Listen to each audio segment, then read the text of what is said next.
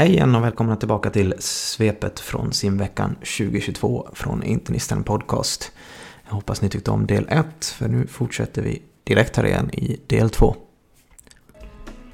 Och nu har det blivit dags för Erik Lindeman från Giftinformationscentralen att inta scenen och berätta om narkotikaförgiftningar. Högaktuella ämnen. Varsågoda. Om jag inte har Då ska vi se, och då sitter jag med Erik Lindeman efter första eftermiddagsföreläsningen här, dag tre på simveckan, som pratar om narkotikaförgiftningar. Eh, och eh, kanske kan ta det uppdelat för det var ju två stora huvudämnen här. Ja, Eh, det första handlade ju om lustgasapokalypsen. just det. Mm. Eh, tack så mycket för att jag fick eh, komma hit, vill jag börja med att säga. Eh, och nu, det är ju ett nytt inslag i den här föreläsningen som jag har filat på och förändrat under loppet av, tror jag, 15 års tid om narkotika. Men nu, nu har liksom lustgas seglat upp och fick prime position här som punkt nummer ett då, lustgasapokalypsen. Eh, och där är väl det som, som jag försöker förklara är den här lite ovanliga toxiska mekanismen som man får av kroniskt upprepat lustgasmissbruk där man ju får då en problem med myelinsyntesen är ofta huvud, så att säga patologin. Eh, Så att man kan få, ja, bli fumlig, få kraftnedsättningar och även kognitiv påverkan. Då. Och det här det hänger ihop med att, att lustgasen förstör vitamin B12. Eh, och där vill jag ju liksom föra fram det här att man, man kan få ett väldigt bra mått på ett skadligt lustgasmissbruk genom att mäta homocystein i blodet. Då. Det är ju en aminosyra som vi normalt sett har väldigt låga halter av. Men på grund av den här då förstörandet av något som kallas för metionincykel så ackumuleras homocystein. Så att li- normalt ska man ligga under 15 i homocystein. Ligger man högt, ofta över 30, då är det ett tecken på att här har vi en störd metabolism och där, här, här har vi ett skadligt lustgasmissbruk. Och jag förstod det som att homocysteinet då, dels kunde man kanske ha dia- diagnostiskt stöd av det men också att man eh, kan använda det för att kontrollera behandlingseffekten och eh, Just det. följa upp. Eh, Exakt, så jätte, jätteviktigt prov både diagnostiskt men sen också för att hjälpa patienten. För avhållsamhet från lustgas, det är den enskilt viktigaste åtgärden för de här patienterna. Mm. Mm. Någon mer take home message från lustgasapokalypsen? Hur ska man känna i, eh, Ja, det, det är just det, de perifera Ja, nervskadorna och kognition. Som, Ja, precis. Och det, det vi ju inte pratade om här, men, men som jag tycker jag har sett väldigt många gånger, det är att eh, det är ju väldigt vanligt att patienterna nämner att de använder lustgas, men de brukar underdriva sin konsumtion. De nämner det själva, de har en känsla av att det kanske är en del av mina problem här. Men första input brukar vara att jag, jag använder det inte så mycket. Men sen när man då får det här höga homocysteinvärdet och pratar lite mer allvar med patienten så brukar det komma fram att det är ett ganska extensivt, eh, ofta dagligt eh, missbruk. Då. Och det är någonstans i den här raden att det är dagligt eller flera gånger i veckan Ja. under, under Det- som... Så är det för de patienterna som vi har sett. Vi är ju oroliga över att det kan finnas riskgrupper Eh, som vi pratade lite om här. Veganer som kanske har låga B12-depåer i grunden och även olika typer av tarmsjukdomar eller kanske sån här polymorfism när det gäller vissa av enzymerna som finns i de här avancerade B12-processerna som vi pratar om. Mm. Precis, det var en vä- väldigt bra genomgång av det här med nu, för, nu förstår jag egentligen mekanismen också på, under den här föreläsningen. Underbart. Om vad som händer med, med långvarigt lust, lustgasbruk.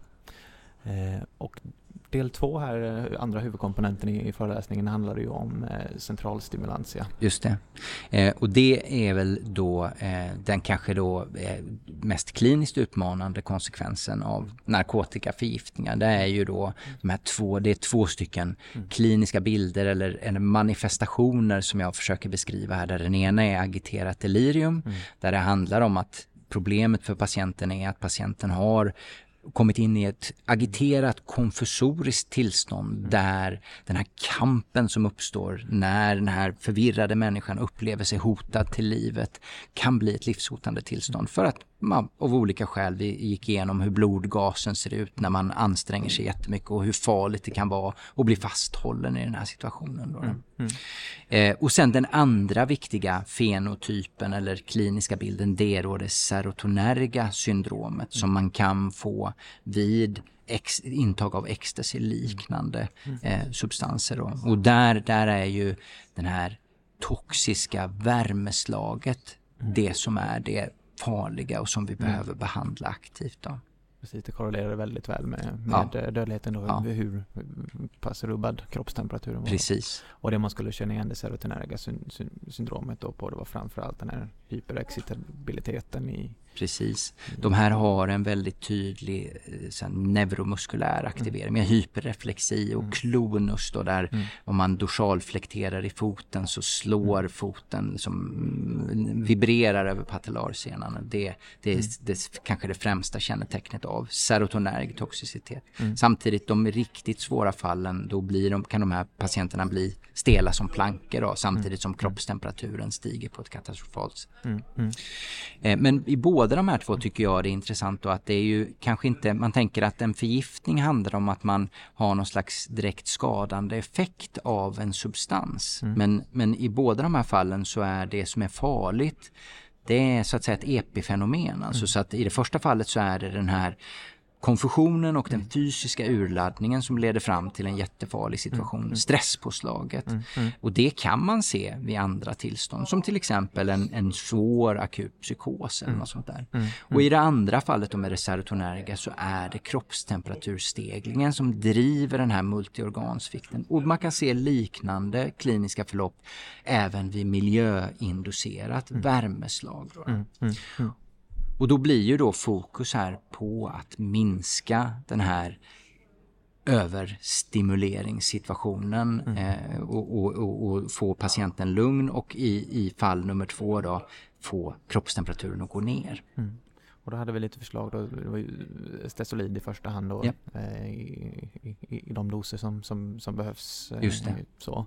Sen introducerade också i fallet serotoninärt syndrom eh, gav du ett, ett bra, bra, argument tycker jag för olanzapin. Just det, mm. och egentligen är det ju bra för att eh, eh, de här två nu, agiterat delirium och serotonergt syndrom, de, man kan ju behandla dem lite på mm. samma sätt. Mm. Så i båda fallen kan du använda, mm. funkar bensodiazepiner eller mm. stesolid så är det väldigt, då räcker ju det. Men, men i båda fallen kan du också komplettera behandlingen med olanzapin då, som har en väldigt bra sederande effekt på de som är agiterade men också då troligen har en direkt antagonisteffekt på 5-HT2-receptorn som är den receptor om man ska nörda ner sig där som medierar mm. det serotonerga syndromet. Mm. Mm. Ja, det var väldigt bra. Jag hade nog inte tänkt i termen äh, agiterat delirium äh, så mycket. Nej. Och jag tyckte på den här bilden du hade där med att äh, IVA-behovet kanske korrelerar med hur många, hur många poliser och väktare som behöver ta hand om patienten tyckte jag var väldigt bra. För Just det.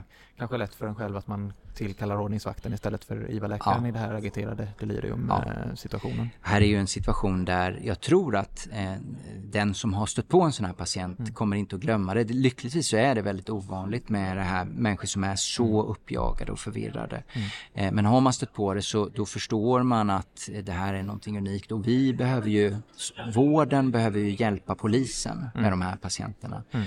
Psyk vi, medicin, mm. behöver hjälpa psykiatrin mm. och intensivvården behöver i förlängningen ofta hjälpa medicin. Vi mm. måste gå ihop här och, och, och, och, ta de här patienterna på stort allvar för att inte det ska bli de här tragiska och ofta väldigt infekterade liksom, debatterna runt skador och dödsfall som uppstår. Mm. Precis, så det var två stora punkter och eh, väldigt bra genomgånget. Tack så jättemycket. Tack för att jag fick komma. Ja, tack. tack. Och resten av onsdags eftermiddagen gick i gastroenterologins tecken med fallföreläsningar både om IBD med eh, Jenny Gunnarsson men eh, så även leversvikt med eh, Inga-Lill Fris Lyby som jag fick tag på här efter hennes fallpresentationer. Ja, och sist ut dag tre hade vi gastroenterologi och då både IBD och leversvikt. Och jag står här med eh, Inga, eh, Inga-Lill Fris Liby. Jag fick jag rätt på det. Som eh, höll eh, en fantastisk föreläsning här om eh, leversviktsfall. Och det var mycket som jag fick med mig här i alla fall. Eh, vad skulle du säga är huvudbudskapen? Ja, det är inte lätt. Det är så mycket som jag tycker är viktigt. Men eh, för medicinare, för internmedicinare så klart att eh, det som hamnar på akuten är ju viktigt att känna igen från början för sen kan man alltid ta hjälp av sina gastroenterologkollegor. Men det som man ser på akuten ibland det är de som kommer in och har akut leversvikt. Och det är inte jättevanligt och därför är det ännu viktigare att man tänker på att det finns. Mm. De kräver ett väldigt snabbt omhändertagande. De blir intensivvårdskrävande väldigt fort. Och eh, orsakerna i världen är ju varierande men det absolut vanligaste det är fortfarande tyvärr paracetamol som orsak till akut mm. leversvikt. Men också andra läkemedel, idiosynkratiska reaktioner, mm. det ser vi ju ganska mycket och de är ju tyvärr väldigt dålig prognos på så de går till levertransplantation. Mm. Och sen har vi eh, en hel del fall av den fulminanta autoimmuna hepatiten som är ju svår alltså. Men har man en, en autoimmunt sjuk kvinna som kommer in med, med höga levervärden så ska man alltid ha det där i bakhuvudet om att det kan vara autoimmun hepatit. Och det, är det akut leversvikt så är diagnosen eller definitionen ganska enkel då med att de har en tidigare frisk lever, att de har PK som plötsligt går över 1,5 spontant och att de blir encefalopatiska, mm. då uppfyller man kriterierna och då, då är det verkligen bråttom. Då ska mm. man, om man inte är på eh, ett transplantationscenter så ska man direkt lyfta luren till ett sådant. Mm, mm. Precis, och eh, det var väl i samband med det här kanske som vi tog upp eh, eller det var i, i, i båda de första två fallen ko koagulationen mm. hos den leversjuka. Det är ju eh, ett eh, jättespännande fält just nu för det händer så mycket och vi har ju under många år trott att patienter som har leversjukdom är blödare och det har ju visat sig nu att så inte alls fallet. De ligger i balans i sin koagulation och det man kan säga säkert nu det är att PK-värdet i sig inte har någon direkt korrelation med blödningsrisk. Mm. Så det är förbjudet att underlåta att göra en viktig undersökning på en patient bara med basen av PK-värdet. Mm. Det är förbjudet. Det reagerade vi ganska starkt på i salen. Jag tror det vi, vi är nog ganska många som har de där PM. Ja, äh, ja, det är många röntgenavdelningar och äh, olika typer av inrättningar som fortfarande har de där PM. Och det, det, de ska vi försöka naturligtvis lyfta upp till ytan så att de blir tillrättade. Och det man kan gå efter om man vill googla upp ett bra dokument så är det att ISEL, Europeiska lever samfundet har ju nyligen publicerat sådana här eh, practical guidelines mm. om koagulation mm. alldeles nu i, Journal of Hepatology. Mm. Så det uppmanar vi dem som inte var här också då? Vill man ha det på papper så ska man absolut ta fram den och vi får ju mycket frågor om från kirurgerna och, och eh, kan vi operera den här leversjuka patienten och det kan man oftast göra utan att göra några korrigeringar av, av eh, koagulationsstatus för det ska man inte göra helst. Mm. Sen tyckte jag du hade en väldigt bra, i första fallet, en snabb eh, Eh, en snabb eh, tillsägelse, jag på att säga, men eh, vilka, vilka patienter med hematames som ska, ska, ska ha telepresinbehandlingen egentligen. Det var ja. lätt att komma ihåg. Det, det, är väldigt lätt. Det är helt enkelt så att har man en patient som kräks blod på akutintaget där man har någon misstanke om att det kan vara en leverpatient. Och då kan jag säga att det kan vara att de har konstiga leverprover eller att de säger att de har druckit för mycket alkohol under lång tid. Eller att man har en journal som säger att det är en leverpatient eller att man bara ser en spidernävi på övre delen av bålen på dem. Då har man en misstanke på att det är en leversjuk patient och då ska man ge terlipressin 2 mg intravenös om patienten har hematemes. Mm. Mm. För då stoppar man i princip blödningen och får mycket mer tid på sig att rätta till saker och ting. Mm. Perfekt, ganska, ganska lätt att komma ihåg. Ja, faktiskt. Ändå, faktiskt. Ja, ja. Eh, och sen eh, i, i sista fallet här så pratade vi om akut på kronisk leversvikt och däribland om spontan, spontan bakteriell peritonit. Eh, har du något huvudbudskap själv därifrån? Ja, mm. det är just detta att man har ett, ehm, man har upptäckt hur, hur svår den komplikationen är, akut on chronic leversvikt. En kroniskt sjuk leverpatient kan ju leva i åratal i ett ganska stabilt, eh, på ett stabilt sätt och gå på våra mottagningar. Men det kan också vara så att en enkel infektion tippar en över i en multipel organsvikt på grund av den här inflammationssystem, inflammationsmekanismen som ligger i den portala hypertensionen. Och det vet man ju nu att om man får en sån så gäller det att vara snabb för man har ett fönster på någon vecka och, och få kontroll över ett sånt eh, tillfälle där man har tippats över i det här och vänder man inte det då så dör patienter. Man har någon vecka på sig att se till att gå in med bredspektrum antibiotika till exempel. Och därför är ett av de viktigaste åtgärderna på de här patienterna när man kommer in med ascites och är dålig att man gör en sån här diagnostisk bukpunktion. Vilket är väldigt enkelt och fullständigt utan komplikationer. Att man sticker patienten efter att ha tvättat av bukväggen lite grann med en svart intramusknål och det behövs ingen bedövning eller några konstigheter på något sätt utan man bara penetrerar bukväggen lite snabbt och drar ut några milliliter ascites och skickar för analys av vita blodkroppar. Så får man på två timmar max ett bra svar.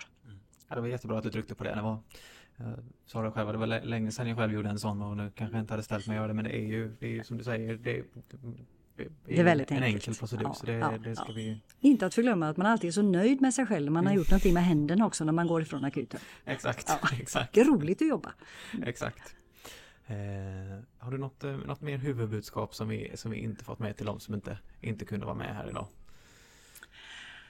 Det händer mycket inom hepatologin nu överhuvudtaget och eh, den växer. Vi har ju i Sverige ett eh, väldigt bra eh, en bra situation när det gäller svårt sjuka leverpatienter för vi har Scandia-transplant och väldigt goda möjligheter i, i alla fallen som behöver en ny lever så får de oftast det. De akuta kan vi ju sätta på en urgent-lista och de som är kroniker de tar vi hand om och de brukar bli transplanterade de också. Så det gäller ju att vi är rättvisa över landet med att tänka transplantation på våra patienter när de har levercirros och har börjat få sina första symptom. Att vi ska göra det tidigare än vi har gjort förut. Det räcker med att han har en, en dekompensationsproblematik så ska vi tänka tanken och, och eh, antingen utreda eller eh, lyfta luren och diskutera med ett transplantationscenter om inte man ska göra det faktiskt. Mm. Mm. Perfekt, tack så jättemycket för de här fallen. Jag eh, blev nog väldigt mycket bättre på det här med på Alla kort- kan på bli hepatologer på gamla dagar. Härligt! Eh, tack så mycket. Tack! Ja, och där tyckte jag det var mycket spännande. Alla kanske kan bli hepatologer på gamla dagar. Och ehm, vill ni berätta för era kollegor om det här med eh, koagulation vid leversvikt så hänvisade ju Inga-Lill till ISELs guidelines. Och det kan ni söka upp och jag förtydligar här att det handlar om EASL, ISEL, deras guidelines. Eh, nu är vi inne på torsdagen som inleddes med kardiologi, såväl hjärtsvikt som kranskärlssjukdom. Varsågoda. Och då är dag fyra igång och först ut eh, har vi Do's and Don'ts i kardiologin med eh, Charlotta Ljung...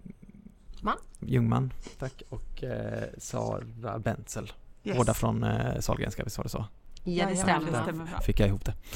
Eh, och eh, Charlotta, du pratade om Do's and Don'ts och eh, nyheter i eh, hjärtsviktssammanhang. Ja, Ehm, och eh, du började ju med lite nyheter från EC mm. Guidelines. just det, precis. Och det kan man säga att eh, det kom ju nya riktlinjer eh, 2021, så det är nästan exakt ett år sedan. Och eh, huvudbudskapet i de riktlinjerna var ju egentligen att vi nu har, kan man säga, fyra grupper av preparat som ställs på samma nivå för patienter med HEF, REF, alltså EF under eller lika med 40 Eh, Och det har ju då ändrat lite utgångspunkten, det vill säga att man får en större frihet att välja hur man kan börja behandling. Men det ställer också krav på oss, det vill säga att vi ska bli bättre på att komma in med behandling så tidigt som möjligt och vi ska se till att patienterna upptitreras till måldos eller högsta tolerabla dos så snart som det, som det går. Mm. Så det var egentligen kanske huvudnyheten där just i de riktlinjerna. Exakt, och lite spännande nyheter. Det där var ju, eller som du tog upp, den, snabba, den snabba kliniska kontrollen. Precis, man trycker då mycket på att om patienten läggs in och eh, då har en akut dekompenserad hjärtsvikt så vill man att patienten ska kunna komma på ett ganska snabbt återbesök och då pratar vi om kanske två veckor efter utskrivning.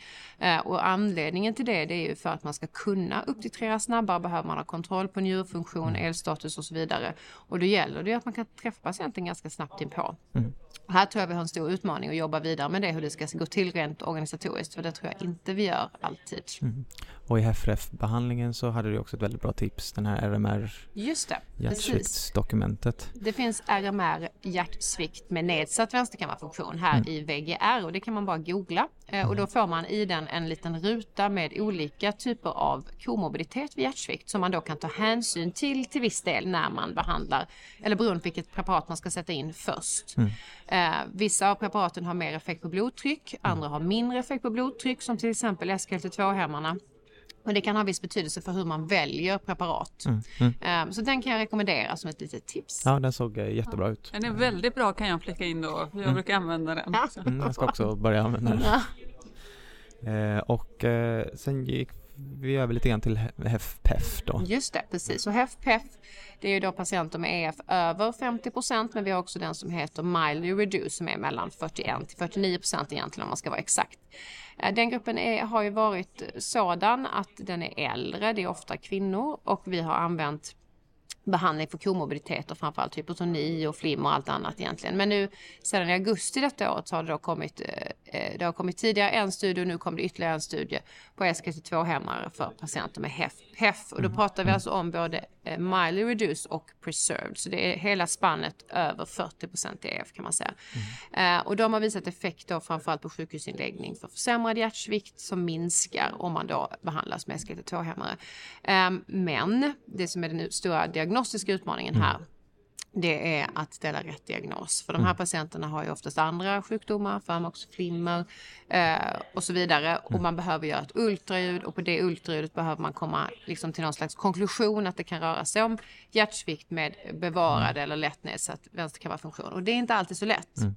Eh, då finns det, HFA har en hemsida där man kan räkna ut ett score som heter HFE PEF score eller någonting i den stilen. Mm. Eh, där man kan trycka in patientens karaktäristika. Det är inte så många variabler, jag tror att det kanske är fem. Mm. Och då får man ut en procentscore, sannolikheten att den här patienten har HFPEF, som jag tycker kan vara ganska användbar ibland mm. när man tycker det är svårt själv. Mm.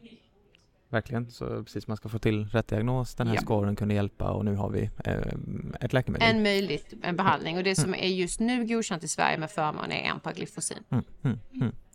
Och eh, slutligen så, så, så pratar vi lite grann om den här gruppen då och eh, amyloidos som Just det, precis. därför att i den stora gruppen HEF, HEF mm döljer det sig också andra lite mer ovanliga fåglar som vi faktiskt hittar i större utsträckning nu. Och då är ju då amyloidos av olika typer med då inlagring i hjärtmuskeln som orsakar en hypertrofi, mm. förtjockad vänster eh, kammare, oftast kan man säga över 12 millimeter mm. behöver det vara innan man ska kanske fatta den typen av misstanke. Mm. Eh, och för den patientgruppen har det ju inte funnits någon behandling alls och de svarar oftast väldigt dåligt på sviktbehandling.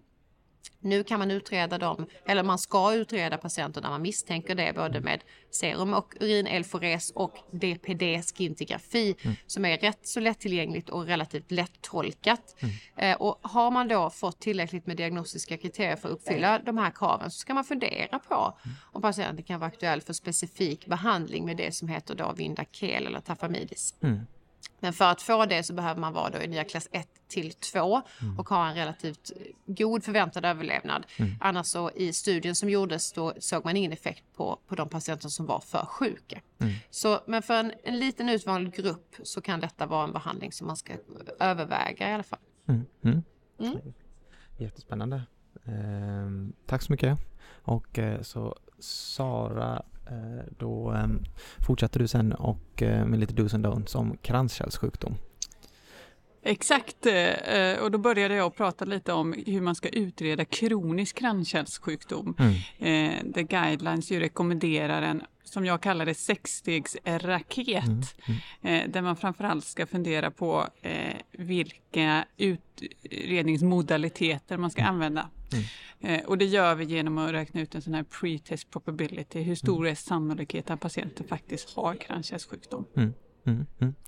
Precis. Eh, och den där sexstegsraketen eh, i, i grov, grova ordalag, det var Ja, ska jag berätta den lite? Ja, jättegärna.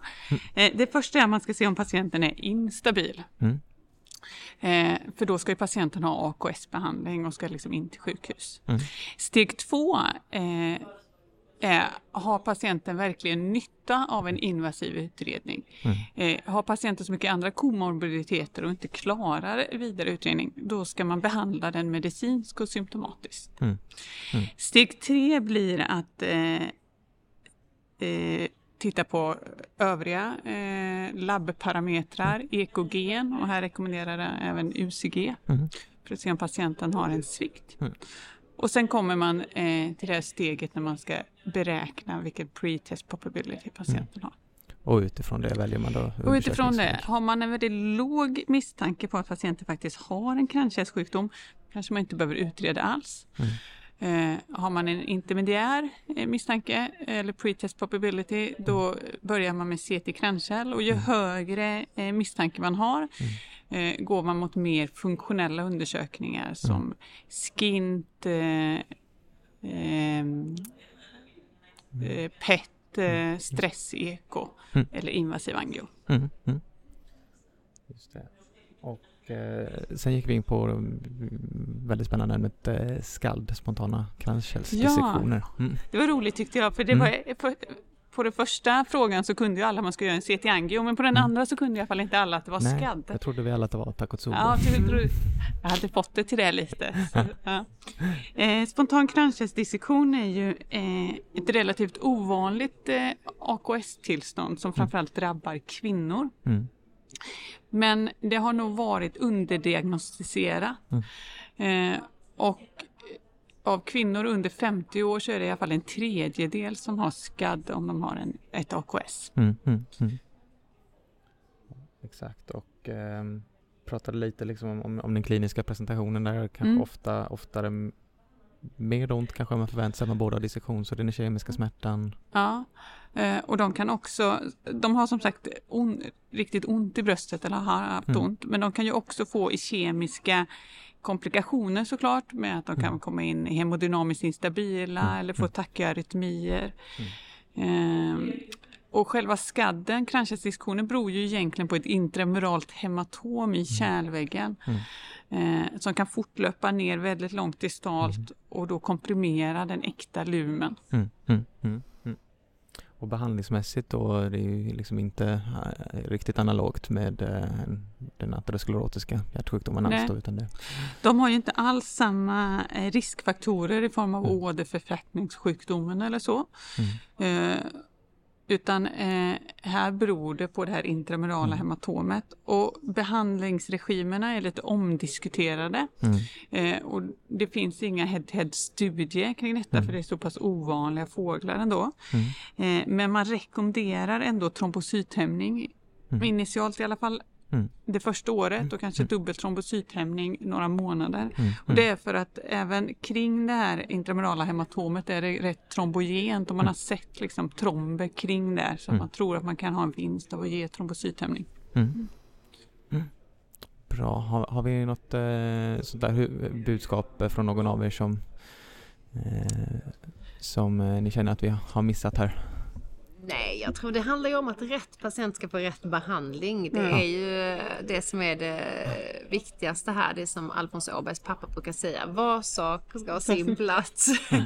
och att eh, man ska inte överbehandla men man ska heller inte underbehandla. Vi har till exempel psykpatienter och med patienter med REF en mängd billiga lättillgängliga läkemedel som är alldeles utmärkta för att förhindra både död och återinläggning. Mm. Och de tycker jag vi ska använda. Ehm, och inte dra oss för det. Nej. Och skräddarsy behandlingen. Enkelt. Precis. Mm. Individualiserad vård. Jättebra, men då fick vi både liksom diagnostips och sen lite saker att kanske hålla utkik efter amyloidosen och, och, och, och SCAD. Super, eh, superbra föreläsningar och tack för att ni var med här. Ja, Tusen tack tack. så mycket. Hej! Och eh, glöm nu inte bort att söka upp det där dokumentet eh, som vi pratade om.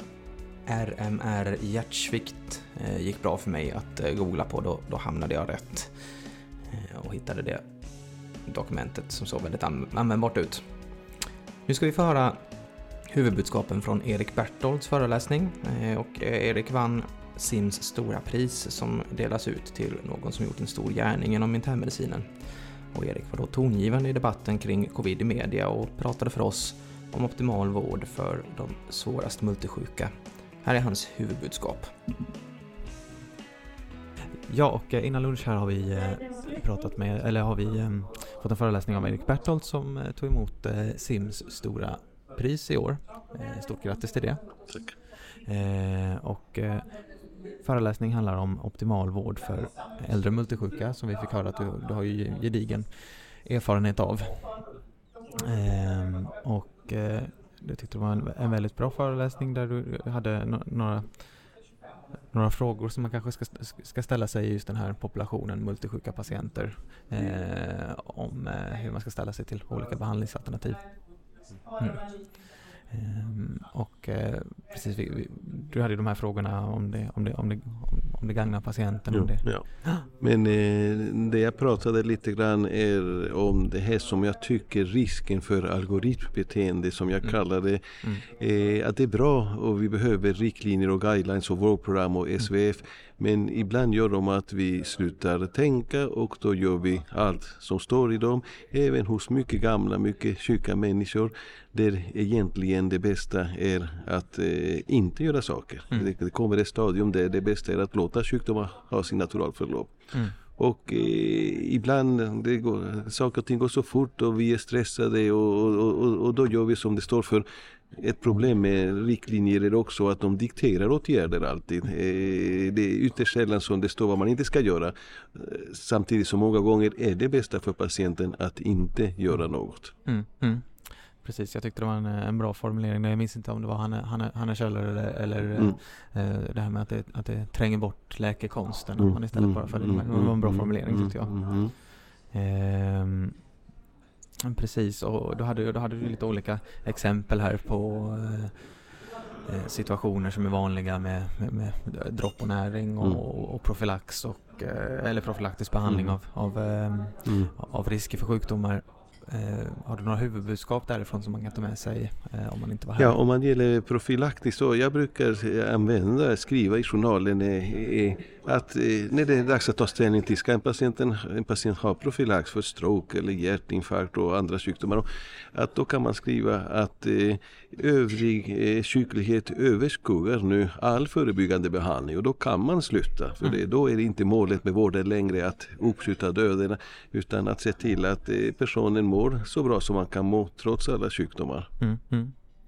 Precis, och det, det, var ju, det tyckte jag var bra också att du tryckte på det att undvika tala om att man, om att man avslutar behandling utan att, att, att Mm. precis som du sa nu. Istället byta fokus. Ja, man, ska inte, man ska inte använda noll HLR, ordets makt över tanken. Det här som någon eh, deltagare sa, att patienten är nollad som man Mm. ser.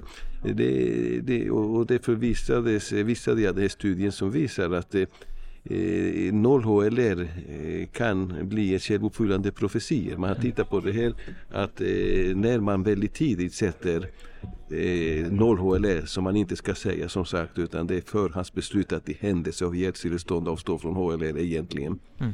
Men då uppfattar man att man ska göra något annat och den studien visade att patienter som hade fått under första dygnet noll HLR hade en fyra gånger högre dödlighet eh, efter tre månader. Mm, mm, mm, mm, mm. Eh, Precis, så istället, i båda de, de eh, tillfällena gå över till ett, ett ändrat mål, det man, det man siktar på istället det är att lindra. Mm, mm, mm. Eh, inte att undvika död eh, Mm, mm. till alla, alla Eller förskjuta döden, eller för undvik, nej. döda kommer, Nej, död kommer döda. Det är ett svårt behandlingsmål, det tror jag aldrig vi uppnår. Mm, mm. Eh, nej men precis. Det var, det var många olika punkter här. Ambulans vid akut eh, och sjukdom var också någonting du tog upp. Att eh, den här typen av beslut om, om vem som ska till sjukhus. Och, Ja.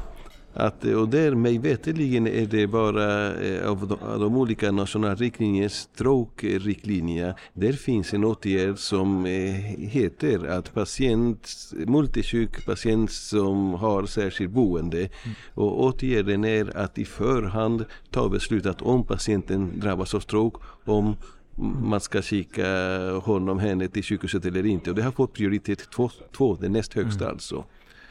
Eh, för eh, är man väldigt eh, gammal, väldigt sjuk i livets slutskede och drabbas av en stroke så finns det, då är det bästa för patienten att stanna på boendet med en personal mm. som känner patienten och sin plats och få behandling där. Det finns hemsjukvårdsläkare, det finns fysioterapeuter och arbetsterapeuter också i kommunen mm. så man kan ge behandling där utan att behöva ta reda på om det var en propp eller en blödning. Det är det man inte kan göra på boende, man precis, behöver se det. Eftersom man behöver inte ge kanske förebyggande behandling mm. Eh, med tanke på att övrig sjuklighet som jag nämnde tidigare överskuggar mm. nu eh, förebyggande behandling. Mm. Mm. Ja, men precis, det var ju jättepositivt om det har jobbat sig in i sådana här mm.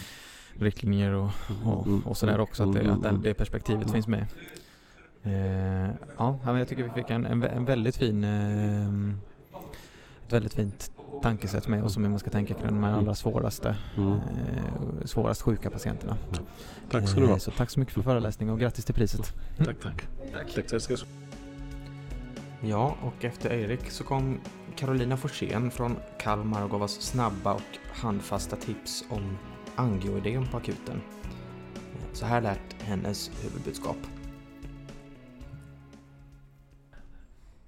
Eh, och precis innan lunch eh, här dag fyra kom Carolina Forsén från eh, Region Kalmar och pratade för oss om angioödem på akuten. Jättefin föreläsning här om angioödem som vi kanske ganska sällan stöter på men som ju kan vara allvarligt när det inträffar så någonting man ändå behöver ha ett hum om såklart. Mm. Ehm, och eh, tyckte det var en väldigt bra uppdelning i de histamin relaterade och de bradykinin relaterade orsakerna. Eh, och hur, hur, ja, man kan kanske börja där, hur, bara grovt, hur ser den uppdelningen ut? Och, mm. Ja, vi har ju de histamiноrsakade, eller vi har två mediatorer, vi har histamin och bradykinin mm. och eh, histamin driver ju den klassiska allergiska reaktionen mm. och också de icke-allergiska angiodemen, mm. spontan icke-allergiskt angiodem. Mm. Medan bradykinin mm. eh, ju aldrig går med urtikaria. Eh, de bradykinorsakade angiodemen utan då finns det ACE-hämmar, utlöst äh, angiodem och det finns hereditärt och förvärvat angiodem. Mm, mm. Precis, det är jättebra att få den uppdelningen tyckte jag att fy, fy, liksom fyra, fem olika ja, Det är en förenklad bild men mm. det är ju för att det är ganska komplext egentligen och så har jag försökt göra en förenklad uppdelning som man ska kunna ha i bakhuvudet när man är på akutmottagningen mm. och träffa någon som har en jättesvullen tunga. Mm. Och vad är kanske då det, det, viktigaste att känna till om de här olika typerna av, av eh, angioidem? Om man ska säga någonting om, om vardera kanske? Ja, det viktigaste i den allergiska reaktionen är ju att om man har ett väldigt kraftigt angioidem så är det adrenalin som gäller. Man ska ge adrenalin intramuskulärt och man ska inte tveka. Mm. Eh, adrenalin har jättebra effekt mm. på, på den typen av svullnader. Mm. Medan eh, är det bradykininorsakat så fungerar inte adrenalin och då får man använda sig av en bradykinreceptorblockerare. Eh, som finns på många eh, akutmottagningar. Mm. Mm. Eh, eller om det är ett rent hereditärt angiodem så kan man också ge, se ett inhibitorkoncentrat. Mm. Men det brukar patienterna själva vara försedda med. Mm, mm, mm. Eh, precis, var, och, eh, och lite olika sätt att och, och, kanske känna igen de här olika eh, angiodemtyperna. Du nämnde där att de bradykinin utan urtikaria, histaminer med urtikaria. Eh, Precis, det var lite olika. Ja, det var framförallt kanske att de här hereditära och förvärvade var väldigt ovanliga. Ja, det är de. De är mm. väldigt ovanliga. Mm. ACE-hämarutlösta är ju, eller orsakade får man mm. säga, för det är inte en direkt koppling. Man kan ju få de här reaktionerna efter många års behandling med ACE-hämmare, för det är en mm. ackumulering av bradykinin som blir en sidoeffekt mm. av ACE-hämmarbehandlingen helt enkelt. Mm. Eh, och de, går ju, de har ju ingen systempåverkan och det är ingen urtikaria mm. och det poppar upp då ett lokalt angioidem oftast i tungan mm. eller runt ögonen eller läpparna. Mm. mm. Det är så man lite grann eh, skiljer, skiljer den patienten då från, eh, från de, de allergiskt? Ja, och vid de allergiska reaktionerna så har man ju oftast ett utlösande allergen som man mm. exponerats för. Mm. Eh, super. Eh, har du själv något liksom, huvudbudskap så nu, om man inte var här och eh, grämer sig för det som... Eh, som... Eh, ja, men det är kanske att, att läsa på då möjligen just den här bradykinin-drivna gruppen av angiodem så att man har lite koll på det, mm. vet att de finns. Sen ska man inte överdiagnostisera dem mm. därför att de allergiska eller spontana icke-allergiska är de absolut vanligaste. Mm. Mm. Eh, men, men som sagt, adrenalin fungerar ju inte mm. på de bradykininutlösta så det måste man ha med sig och mm. veta om om man jobbar på akutmottagningen. Ja, men jättebra, jag känner själv, jag har inte haft eh, så bra koll på de, eh, de här Bröder utlösta som, som jag har just nu. Jag kanske ska ställa någon sån här påminnelse så att jag kan läsa på det igen om, om två, tre månader eller någonting. eh, jättefin föreläsning ja. och tack så mycket för att du var med här också. Tack, tack. Mm. Jag hoppas ni fortfarande hänger med här. Vi fortsätter i ett snabbt tempo.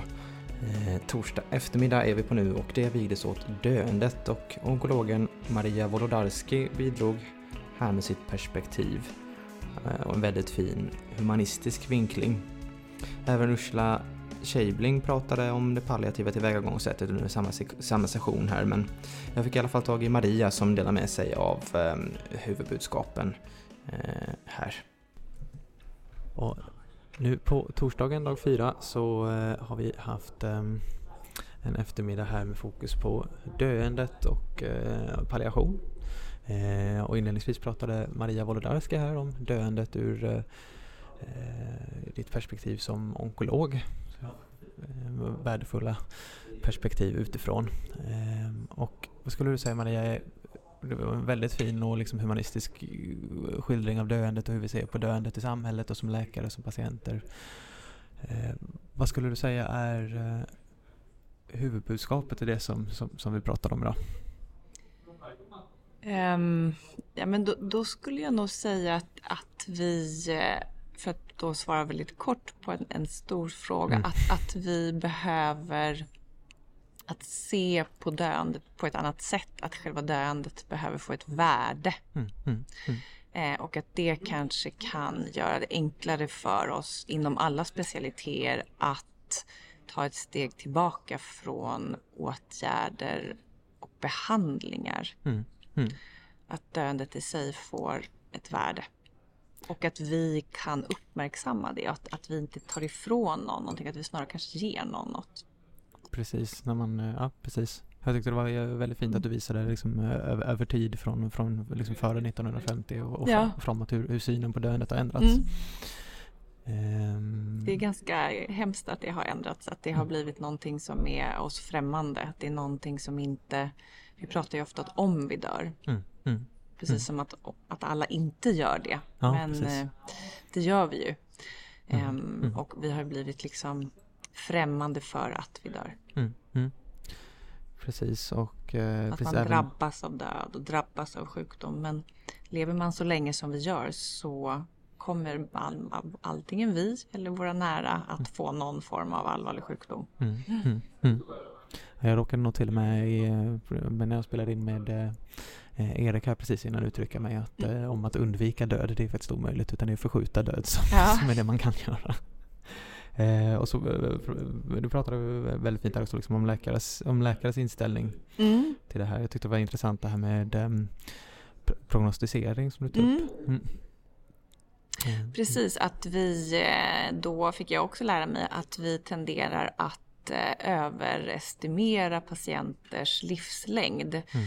Eh, framförallt om, om vi har känt patienten under en längre tid och då då tänker jag också att det är svårare om man, man tror att en patient ska leva längre. Att, mm. att uh, tänka att nej, men det kanske inte är värt att, att göra det här med den här korta tiden som är kvar. Mm, mm, mm.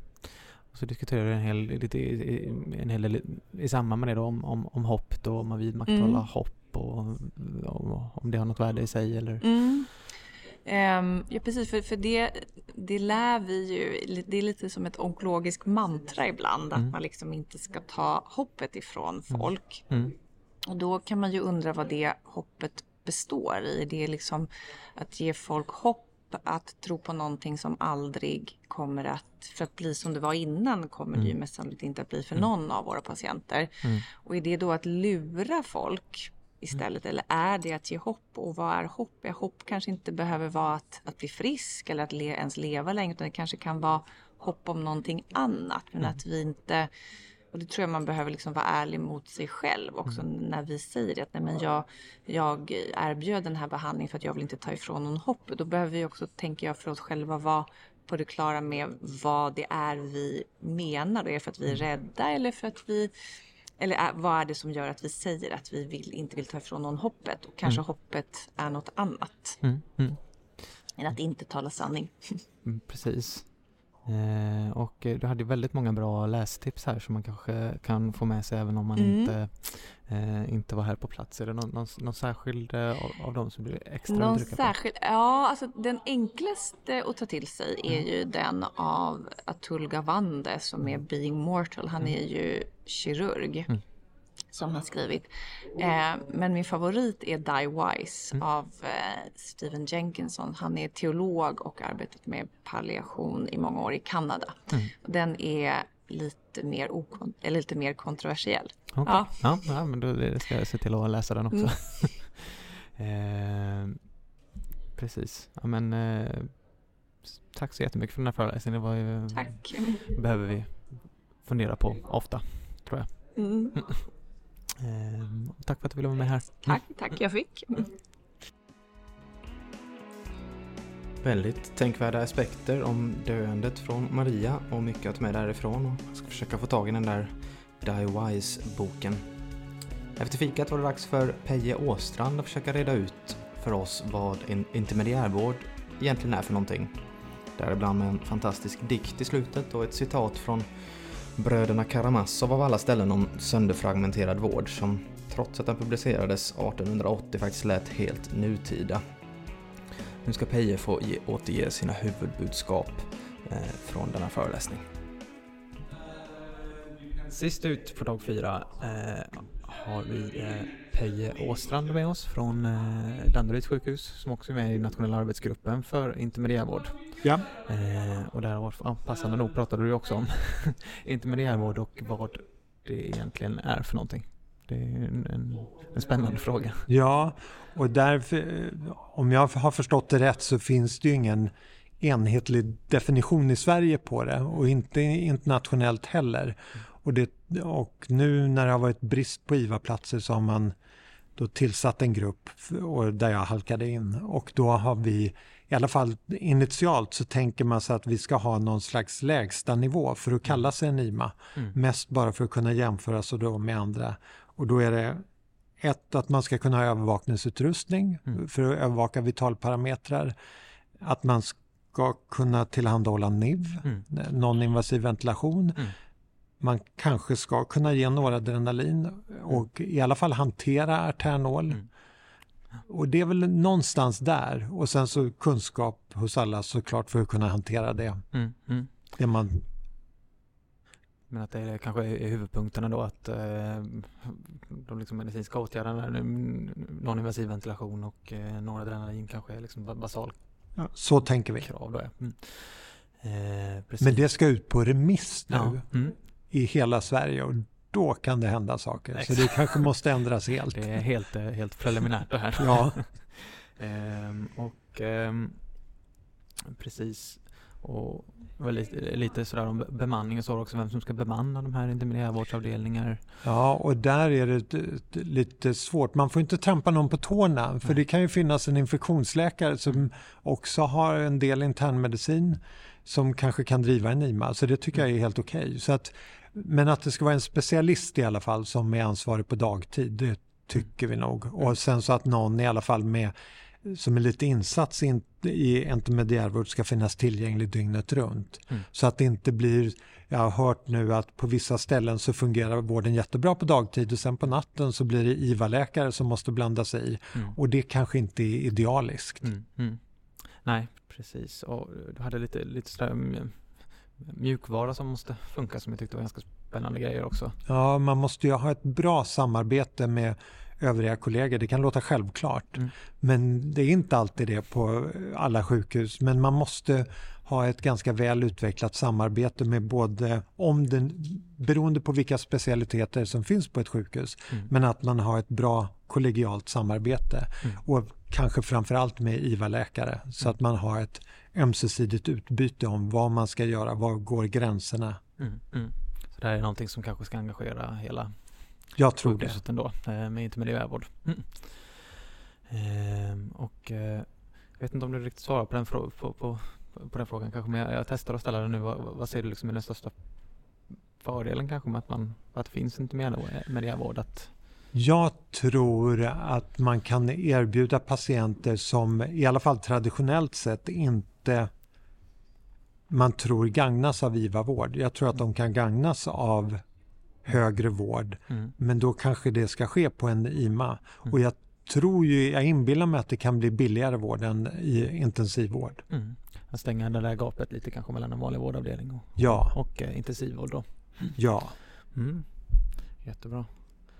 Ehm, har du något annat liksom, stort huvudbudskap från det vi pratade om här som du känner? Nej, jag tror inte det. Mer än att man måste, om man nu har en IMA eller vill utveckla en så måste man också tänka på eh, att man varje patient måste ju individualisera, man måste individualisera vården och tänka sig var går gränsen för vad jag ska göra? Mm.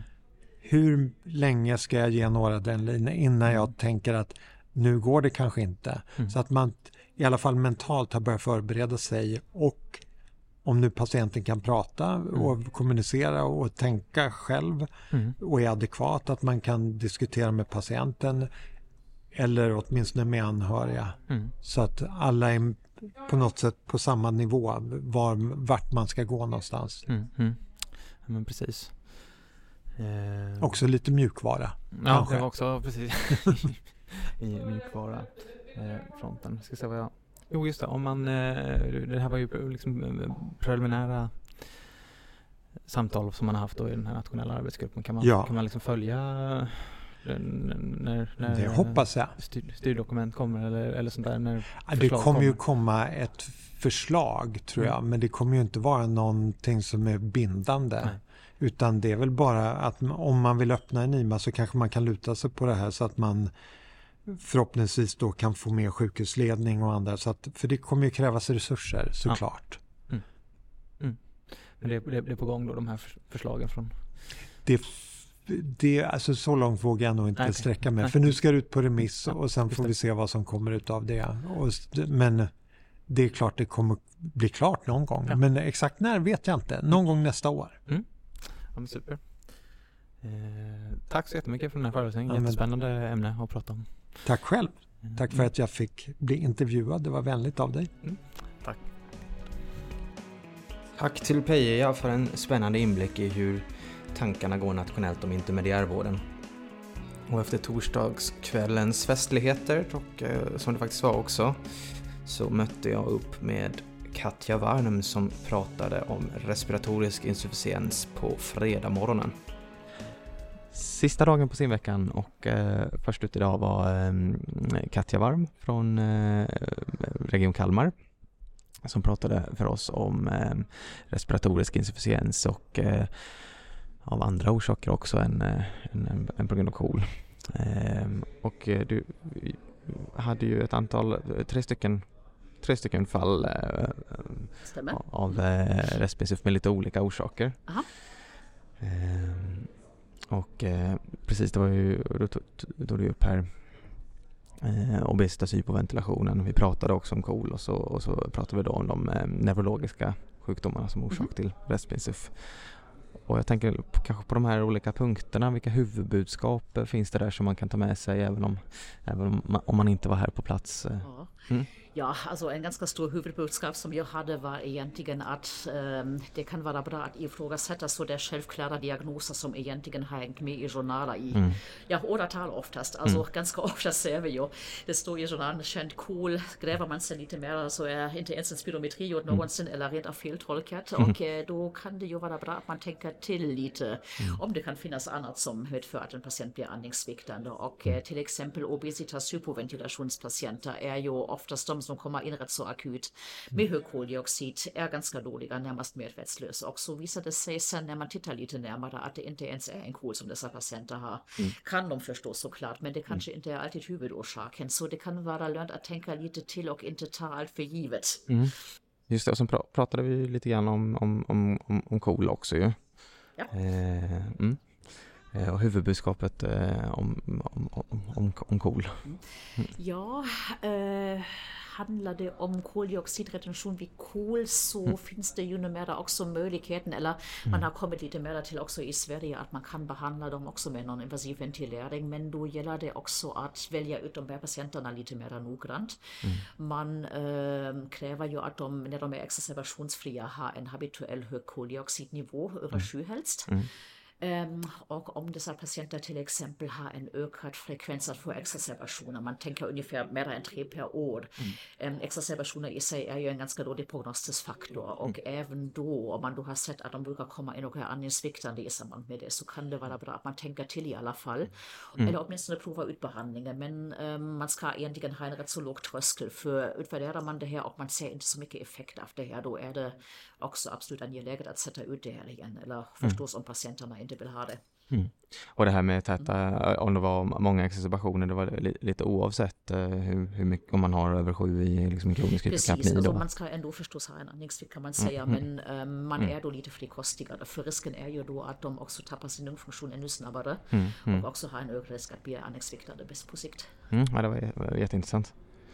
Eh, precis, och eh, vad gäller de neurologiska orsakerna till eh, till eh, respiratorisk svikt. Eh, Eh, eh, jag tyckte i alla fall att det var jättebra att du lyfte att man ska vara tidigt inne, eh, ja. kanske vid progressiva sjukdomar. Och... Precis, för alltså, det värsta är ju att man verkligen står i akutskede. Patienten ligger där, är egentligen i stort sett döende eller på väg dit och mm. kraftandningssviktande. Det, det händer ju oftast i ett ganska sent skede, vid ARS till exempel, där de får sina infektioner och tar då beslutet om intubation, ja, nej, när man mm. aldrig har pratat om det. Det är mm. etiskt rätt så svårt mm. hållbart.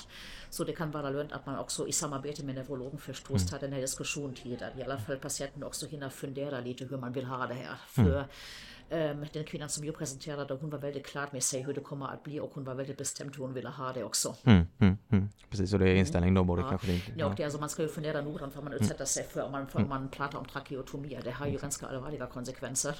exakt. Och man ska ha klart för sig vad det också innebär om man verkligen vill gå den vägen. Jättefint och eh, det sista jag tänkte på var jag tyckte det var väldigt bra att du tog upp eh, den riktade anamnesen här mm. Eh, lite överlag vid Precis. kronisk respekt. Ja. Mm. Eh, och då hade du några, några förslag till i alla fall som, som symptom som man kan fråga efter här i det här kroniska? Precis, dagtrötthet förstås. Mm, mm, de mm. ökade koldioxidnivåerna gör ju att man känner sig trött och omtöcknad. Alltså det är rätt fascinerande när man träffar de mm. patienterna ibland när det är långt gången och man för ändå ett någorlunda normalt samtal med dem. Mm. Och sen behandlar man dem verkligen med en och träffar dem efter flera veckor och det är som helt nya människor. Det är rätt fascinerande. Och eh, morgonhuvudvärk kan vara bra att fråga efter. Eh, för framförallt på natten samlar de ju på sig sin koldioxid och då är det ett ganska ett symptom. Mm. Sen förstås, som förstås är ett ganska luddigt och ospecifikt symptom, men det har de såklart också. Mm. Ja, det var jättespännande för det med morgonhuvud. Och förstås äh, symptom som kan vara vägledande för OSAS om man har observerat snarkningar, om de vaknar mycket på nätterna. Mm. mm. Somnar under dagen. Mm. Ja, men exakt. Mm. Ja, men det, det, där med morgonhuvudvärk tyckte jag var bra, för det hade jag nog inte fångat upp eh, tidigare. Eh, och och eh, någonting mer som du vill få ut till dem som inte kunde vara, vara, här, vara här? Jag tror det var väl det viktigaste. Eller? Det var det viktigaste, precis. Det var en jättefin föreläsning. Tack så mycket och tack för att du ville vara med här. Mm. Ja, nu börjar det dra ihop sig. Eh, snyggt om ni har hängt med och lyssnat på alla de här huvudbudskapen. Eh, Katja följdes upp av eh, Dorota Regila som pratade om hjärnsvikt och konfusion och jag fångade tyvärr inte Dorota precis efter sin föreläsning. Men istället satte jag mig i slutet av simveckan här och försökte summera veckan med Sara Lindberg som är en vice ordförande i Svensk internmedicinsk förening. Och där var simveckan 2022 till ända. Eh, alla föreläsningar, eller alla föreläsare nästan gett sina huvudbudskap till er som inte var med här på plats och nu har jag med mig eh, Sara Lindberg eh, som är vice ordförande i Svenska internmedicinsk förening. Och eh, ni som har lyssnat på det här eh, var ju inte här på plats då kanske. Eh, och tänkte fråga dig Sara som har bäst koll på det, varför ska man åka på simveckan? Jag tycker man ska åka på simveckan för att det är så roligt att vara en del av den breda internmedicinen i Sverige. Mm. Och eh, det som jag tycker är fantastiskt med den här kursen är att vi samlar både ST-läkare och specialister från hela landet. Och eh, det blir ett så bra erfarenhetsutbyte och man får en sån stark känsla för det som är internmedicinen, det som gör det så roligt och det som gör det så svårt. Mm. Man har de här superkliniska föreläsningarna med kokböcker och guidelines och sen sitter man och pratar om allt det här som gör jobbet så svårt men också så fantastiskt roligt. Mm. Ehm, patientmötena, de etiska diskussionerna, att man gör helt olika på olika sjukhus med samma diagnos vad egentligen rätt, att det finns så många vägar att gå. Mm, mm. Precis, och um, ja, det, det, är det som är målet med simveckan tänker jag, verkligen diskutera den breda internmedicinen. Ja, målet med simveckan är ju både att vi ska lära oss saker men också att vi ska ses och nätverka och fundera över vart vi är på väg tillsammans. Mm. Jag tror att eh, det kommer ju spela roll för svensk sjukvård vad vi gör med internmedicinen. Mm. Och vi i Svensk internmedicinsk förening vi är ju övertygade om att det är viktigt att vi fortsätter vara en stark kraft för det breda perspektivet. Att vi ska vara breda, att vi ska se hela patienten, att vi ska motverka eh, snuttifieringen av vården mm. för patientens bästa. Jag tror att har man varit här en, ve en vecka så har man verkligen fått den känslan och mm. sen är det ju bara helt underbart att träffa kollegorna från mm. hela landet och umgås tillsammans också. Mm. Ja, och nu en lite ledande fråga. Har man fått med sig något av de här sammanfattningarna i den här, det här poddavsnittet och inte var här på simveckan ska man ju veta också att det är ett, nytt, ett helt nytt program varje år. Eh, och då undrar jag, Sara, tycker du att det räcker att bara lyssna på internistens sammandrag nästa år igen? Eller ska man satsa på att ta sig hit? Jag tror att eh, har man varit på simveckan så kommer man vilja komma tillbaka till simveckan för man förstår eh, hur eh, lärorikt det är på föreläsningarna men kanske framförallt utanför i allt det som händer runt omkring i pauserna, i samtalen, i mötena. Mm. Och har man aldrig varit här så säger jag bara kom till simveckan, upplev simveckan med oss och eh, du kommer inte ångra dig. Jag håller helt med. Tack Sara. Ja, och där kan vi väl landa lite grann. Nu har vi fått huvudbudskapen från de flesta av föreläsarna på simveckan. Jag hoppas att ni kunde få med er någonting av det här snabbsvepet. Det är ett lite annorlunda typ av avsnitt.